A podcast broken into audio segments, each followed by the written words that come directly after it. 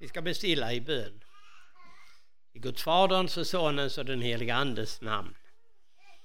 Herre, jag tackar dig för att vi får samlas här omkring ditt ord och tack för dina löften. Att du vill vara hos oss, mitt ibland oss, då vi samlas i ditt namn. Herre, vi kan inte ta till oss någonting. Vi har ingenting att komma med om inte du ger oss det. Och vi kan inte ta det till oss om inte du öppnar våra hjärtan och låter din ande verka i oss. Herre, tack för dina löften som du har förbundit med ditt ord. Det ska inte vara förgäves. Herre, jag ber att vi alla som lyssnar den här kvällen ska beröras av ditt ord, att det ska rikta sig till oss. Herre, kom och välsigna oss för ditt namns skull. Amen. Jag är vägen, sanningen och livet. Det är som Per David sa, jag berörde inte det där med livet igår. Tänkte försöka stanna lite grann inför det. Och eh, då är det, jag tror att det är viktigt att vi alla är medvetna om detta och inte minst jag själv. Att det vi förkunnar här, det är inte människors påhittade filosofier eller tankebyggnader eller någonting i den stilen. Detta är vad Gud har sagt i sitt ord. Och de, han har uppenbarat detta för sina apostlar, sina profeter.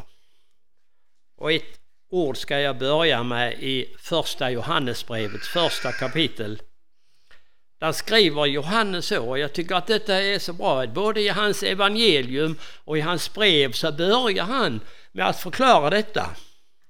Vem det är som talar, vem är det han vill berätta om och vem har gett honom detta?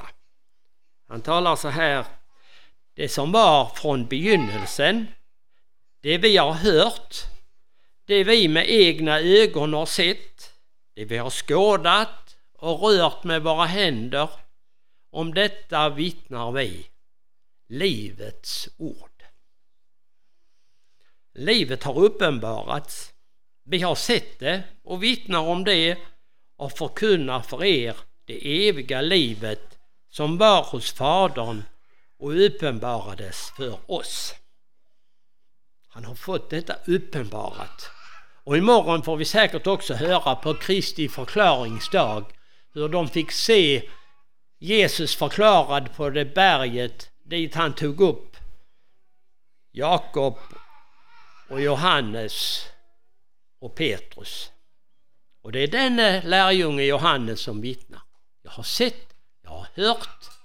Och en sak som han också här får tala om, jag har rört vid och då tror jag han tänker på den gången när Jesus kom till sina lärjungar efter sin död och sin uppståndelse. Och då säger han, ta på mig, se, jag har ingen ande, jag har kropp, ni kan ta på mig. Och detta blev ju så verkligt för Johannes. Och så verkligt är det för oss också idag. Jesus, han är här. Han är livet. Han har dött men han har uppstått och han lever. Nu ska jag börja också, eller fortsätta med att läsa, nu har jag redan börjat, från början i Bibeln och där jag också var lite och läste igår. Det talas om eh, Adam och Eva, de första människorna. Gud planterade lustgården där de skulle få leva. Paradiset Edens lustgård. Vi hör ofta om att Gud han där mitt i lustgården planterade ett träd. Trädet med kunskapens träd på gott och ont. Och detta trädet, det fick de inte äta av. Men han satte också ett annat träd i lustgården. Men det står inte där att han sa till Adam och Eva från början att det får ni inte äta av. Det var livets träd. Livets träd fanns också i Eden. Men före syndafallet då hade ju Adam och Eva det eviga livet i Guds gemenskap. Men vad händer när de hade ätit av den förbjudna frukten? Relationen med honom som hade gett dem livet var bruten. För var dag du äter av den frukten, av kunskapens träd på gott och ont, så ska du döden dö.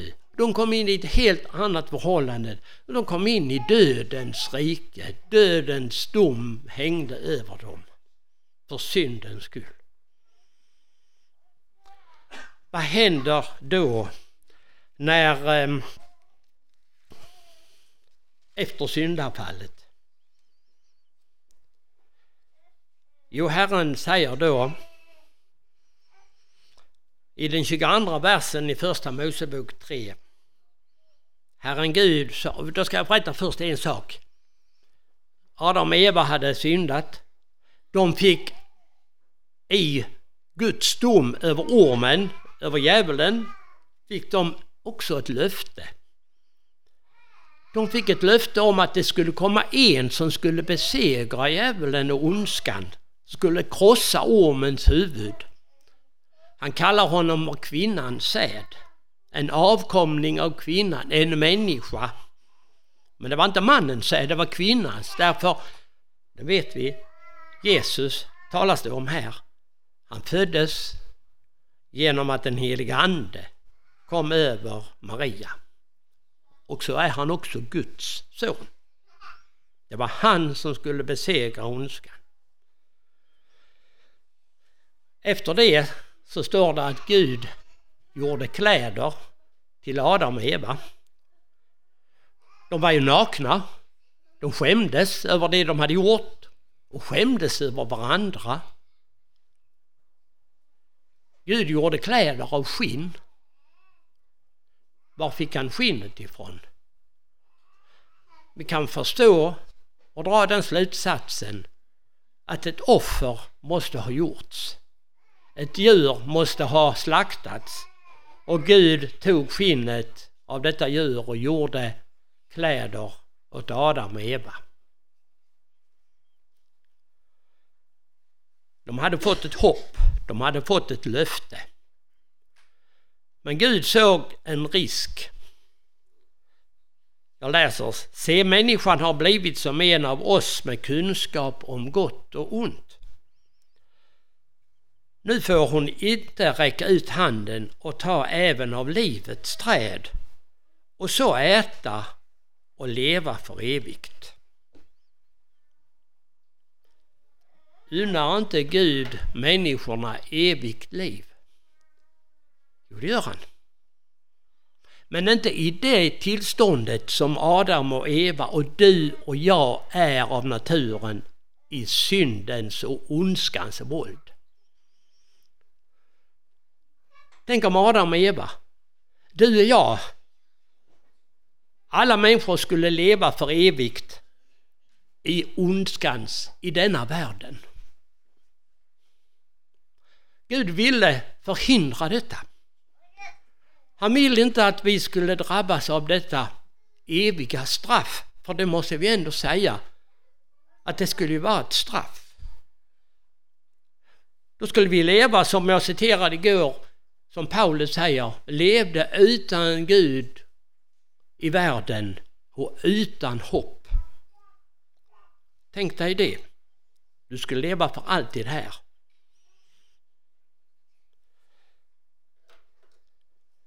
Gud ville, han Gud vill ingen syndares död utan att han omvänder sig och får leva. Han ville att vi skulle gå den väg som han hade visat i den som skulle besegra ondskan. Han ville vi istället skulle gå den väg som heter livets väg. Jag är vägen, sanningen och livet, säger Jesus. Det är alltså, han ville vi skulle gå Jesusvägen. Att vi skulle tro på honom och hans löften och det som har skett genom honom.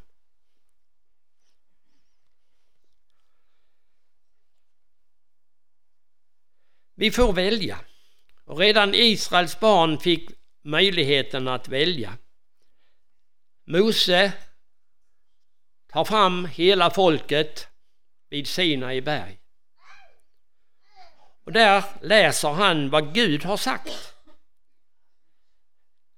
Vår, min överskrift i min bibel över det avsnittet det är så här.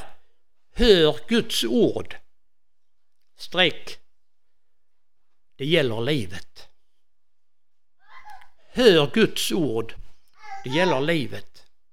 Ja, David var inne på detta också.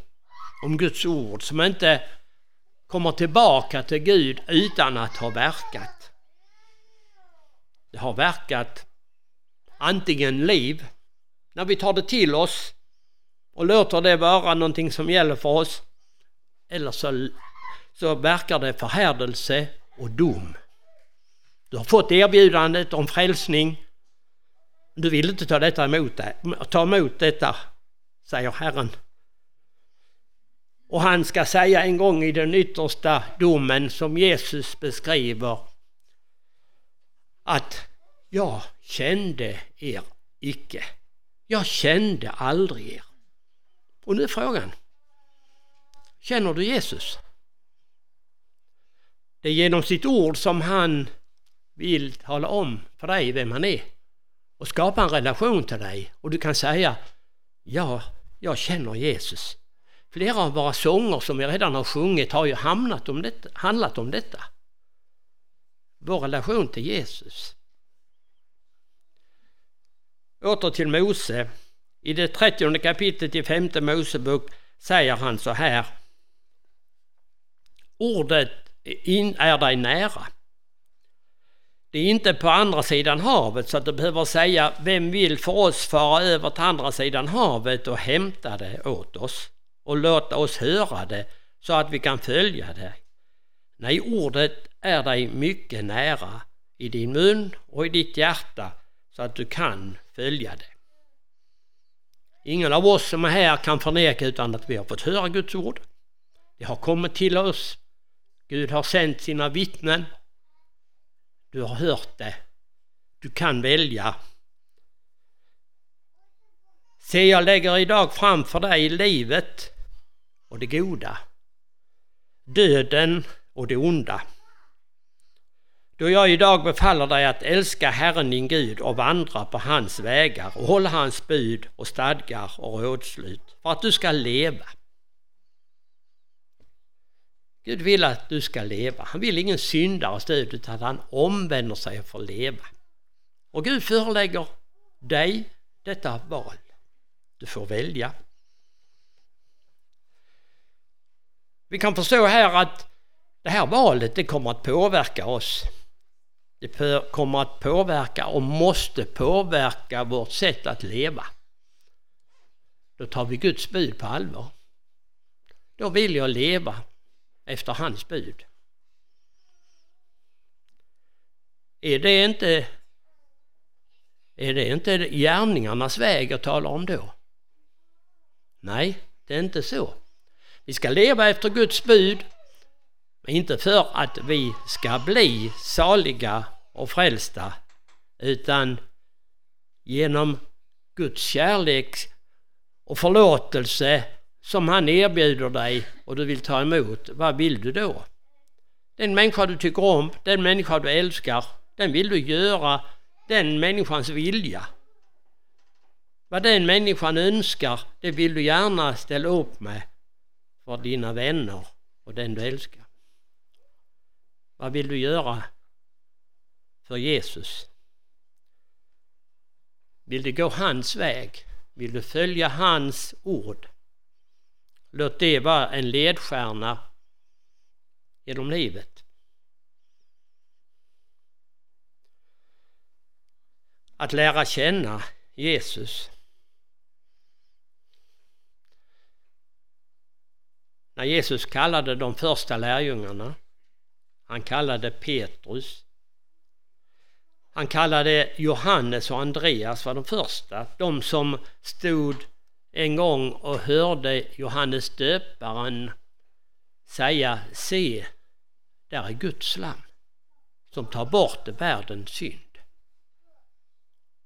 Efter flera gånger han hade sagt detta då vaknade liksom Johannes och Andreas till och sa det är ju precis det vi behöver. Vi vill, vi vill följa honom och de går till Jesus och följer efter honom och han frågar vad vill du? Och de kommer sig inte för vad de ska säga och det, så, så kan det vara för oss. Du som inte har hört så mycket om Jesus, och hur ska jag formulera en bön? Hur, hur ska jag tala om vad jag vill? Du behöver inte säga mer än det här tafatta som Petrus eller Johannes fick fram. Mästare, var bor du? En konstig fråga. Men Jesus svar tycker jag är så underbart när han säger Kom och se. Kom och se, följ med mig. Och så är det att lära känna Jesus.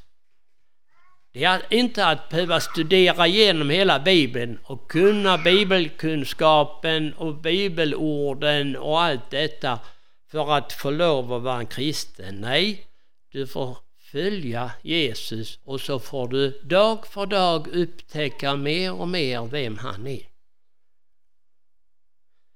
Så fick Petrus och Johannes och de andra lärjungarna uppleva. Kom och se, följ mig. I ordet och i bönen.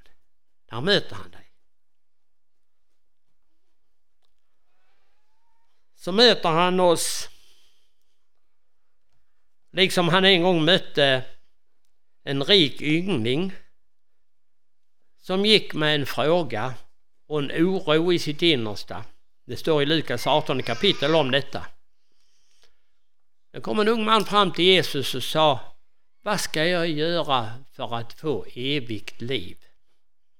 Vad ska jag göra för att få evigt liv?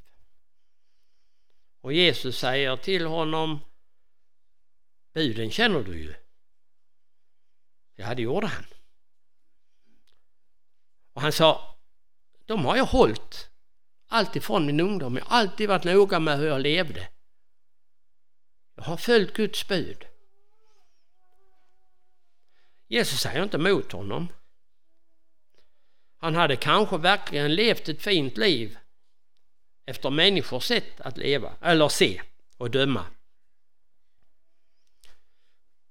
Men Jesus har ännu ett bud till honom. Gå bort och sälj allt det du äger. Kom sedan och följ mig. Så ska du få en skatt i himmelen. Jag kommer detta igen, följ mig.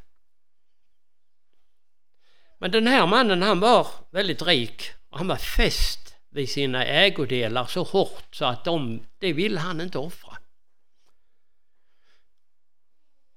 Och nu kommer frågan till oss i vårt välstånd. Är det det som har tagit över? Jag var inne på det igår redan. Är det det som har tagit över mitt, mitt hjärta, min kärlek? Är det det jag bevakar? Är det det jag tänker på? Är det det jag planerar för? Är det det som är det viktigaste för mig? Eller är jag beredd att lämna detta för att vinna något som är oändligt mycket bättre? Vi sjöng ju den härliga sången Om jag ägde allt men inte Jesus. Och hur vore det att dö en gång? När jag ska lämna allt det här. Allt det jag har ägnat mig åt. Det ska bara tas ifrån mig.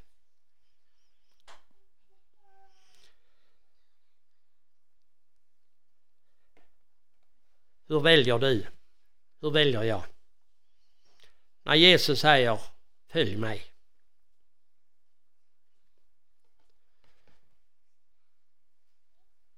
Jesus kom också en gång till en rik man. Det var han som eh, inte på något sätt hade följt Guds bud. Han hade inte brytt sig om detta. Han levde sitt eget liv, han ville tjäna pengar och han, han tyckte han hade det ju bättre än alla de där som gick och strävade med att hålla Guds bud.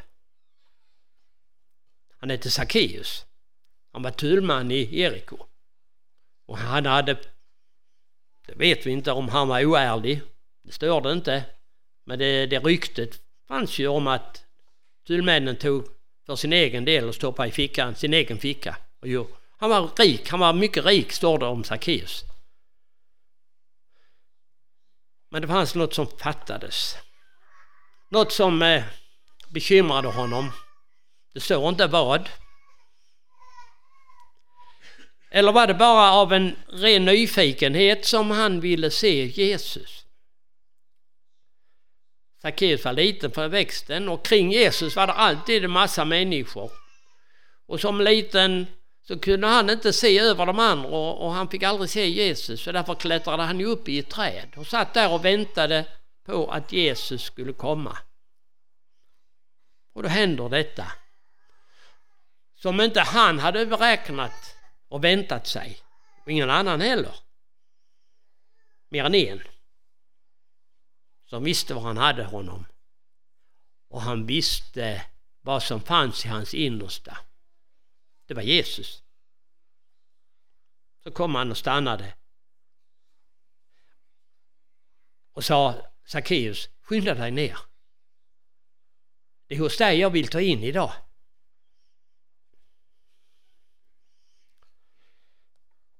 Jag vet inte varför, vad orsak du hade att gå till tältet idag. Eller att lyssna på närradion och slå på den. Lite nyfikenhet. Se vilka andra som var på tältmötet. Höra lite grann vad som man gör på ett tältmöte. Du gick kanske utan att veta det med en oro, en önskan. Och kanske du är här verkligen för att du ville se Jesus och ville följa honom. Du själv får bedöma detta. Men här är Jesus idag. Vi har bett honom komma här. Han kommer med sitt ord. Nu står han hos dig och säger det är hos dig jag ska ta in idag. I ditt liv, i ditt hjärta. Jag vill ta in. Säger du som Sackeus, skynda dig ner på din hög, höga, höga position, både materiellt och Sackeus han satt ju huvudet över Jesus antagligen där i trädet och såg ner på honom. Är du också en sån där som tycker att du förstår det där med livet och verkligheten på ett annat sätt? Ser ner lite grann på Jesus och hans förkunnelse och hans ord, Bibeln, vad är det för någonting? Ser ner på detta. Är du beredd att hoppa ner? Hoppa ner från din höga position, vad den än är, och säga Jesus, här är jag. Jag vill att du kommer med mig hem. Och som Sackeus, han gjorde en fest för Jesus. Och dit kom tydligen många människor. Och det förändrade Sackeus liv fullständigt. Det materiella. Vad har det för betydelse? Varför ska jag ha allt detta? Här sitter fattiga människor runt omkring som just behöver detta. Det hade han aldrig tänkt på. Han hade aldrig sett det för. Jag har tänkt på det här för berättelsen i, i Lukas 19 och precis innan, versen innan står det om hur Jesus botade en, en, den blinde Bartimeus. Han satt och tiggde utanför porten där och jag förvånar mig om inte Sackeus han kände väl till Bartimeus. Nej, jo, Bartimeus. Han,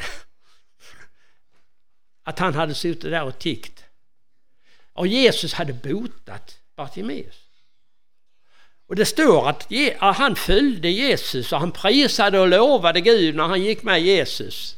För han hade fått sina ögon öppnade. Och det är precis det vi också får. Och kanske han fick gå med Jesus in i Sackeus hus, i det förnäma huset. Han fick äta, han fick vara med de här människorna. Och plötsligt så var det en helt annan relation mellan Sackeus och Bartimeus. De var på samma nivå plötsligt. Två människor som hade fått se vem Jesus var och hans makt. Och har fattat kärlek till honom. Sackeus han ger bort hälften av sina ägodelar till de fattiga. Och han redar upp om han har lurat någon så ger han fyra dubbelt igen. Tänk vilken förvandling. Jag går lite tillbaka till den här rike mannen, den rike ynglingen som inte var beredd att följa Jesus och överge sitt gamla liv. Till en annan som mötte Jesus. Det var Paulus. Eller han hette Saulus av Tarsus då. Och var en skriftlärd, farisé och som eh, han verkligen arbetade helhjärtat för att lagen skulle hållas helig och Guds ord det var det som gällde. Han hade ägnat hela sitt liv från det att han var ett litet barn till att följa alla de regler och de bud som fanns i den heliga skrift. Ingen kunde anklaga honom för något. När det nu kom en sådan förkunnelse som sa att en syndare kan bli förlåten och frälst åt Guds barn genom tro på Jesus Kristus. Han har dött men är uppstånden och lever. Då tyckte Paulus detta var alldeles fruktansvärt. Det är hädelse att någon skulle kalla sig Guds son och att någon skulle uppstå från de döda, det är ju helt orimligt. Nej, det, det har aldrig hänt. Nej. Och han, en sån villfarelse vill han bekämpa. Och så är han på väg till Damaskus och där möter han Jesus i en syn.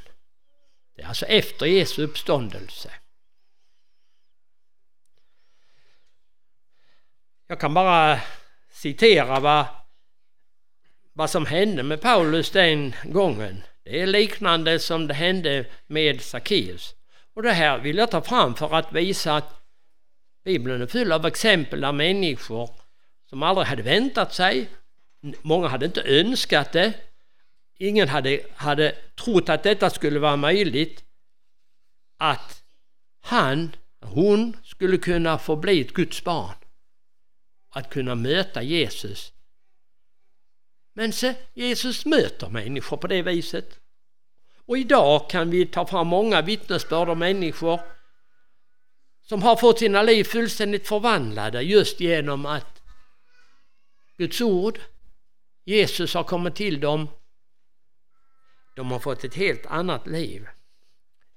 Filipper skriver i första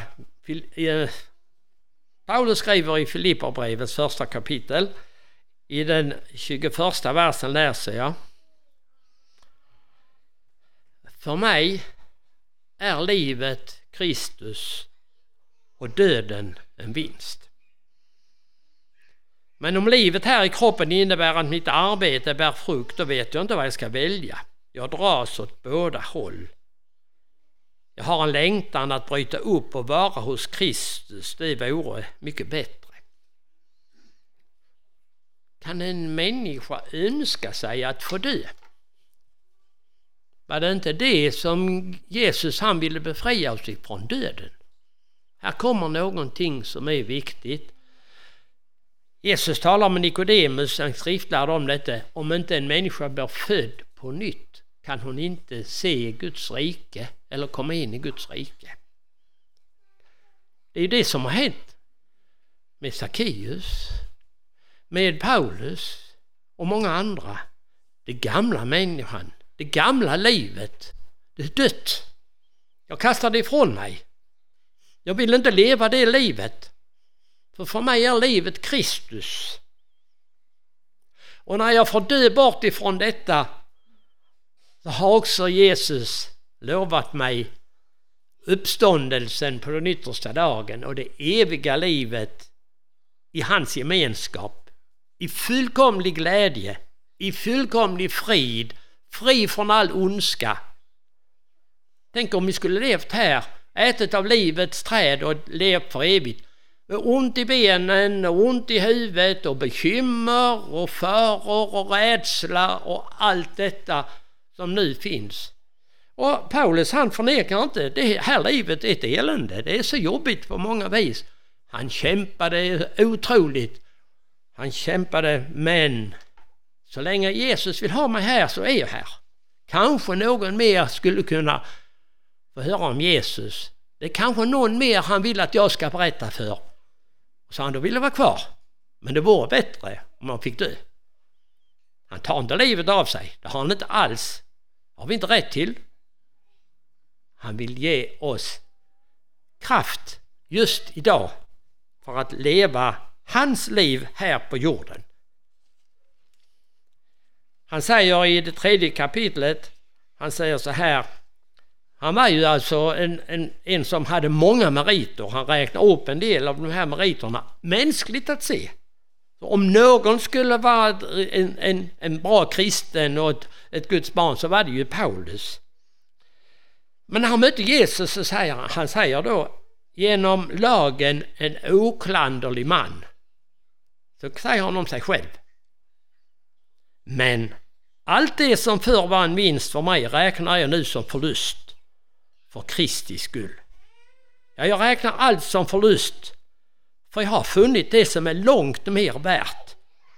Kunskapen om Kristus Jesus, min Herre. Det gamla livet, allt det, alla meriter, det kastar jag. Det är bara rent skräp. För jag har Jesus. Och jag har Jesus som min stora vinst. Han har gett mig det eviga livet. Och till Titus skriver han i ett brev senare, jag ska läsa i Titusbrevet i det tredje kapitlet. Där står han så lust, sa han så här. Vi var slavar under olika begär och lustar. Vi levde i ondska och avund. Vi var avskyvärda och hatade varandra. Det är en rätt träffande beskrivning av den här världen på många sätt. Och jag som har blivit fostrad till att leva ett någorlunda bra liv utåt. Och det är jag tacksam för. Men vad finns inne i det innersta hjärtat? Är det inte ofta avundsjuka? Det är, man hatar vissa, man, har, man drar sig undan om man. Och då är det så underbart. Vem du än är, du hör detta, hur ditt liv är, det ska inte jag bedöma. Du får själv rannsaka dig inför Guds ord. Du kan kanske komma till den här slutsatsen. Oh, du får säga som Paulus, jag arma människa, vem ska frälsa mig från denna dödens kropp? Han vänder upp och ner på det här igen, precis som igår.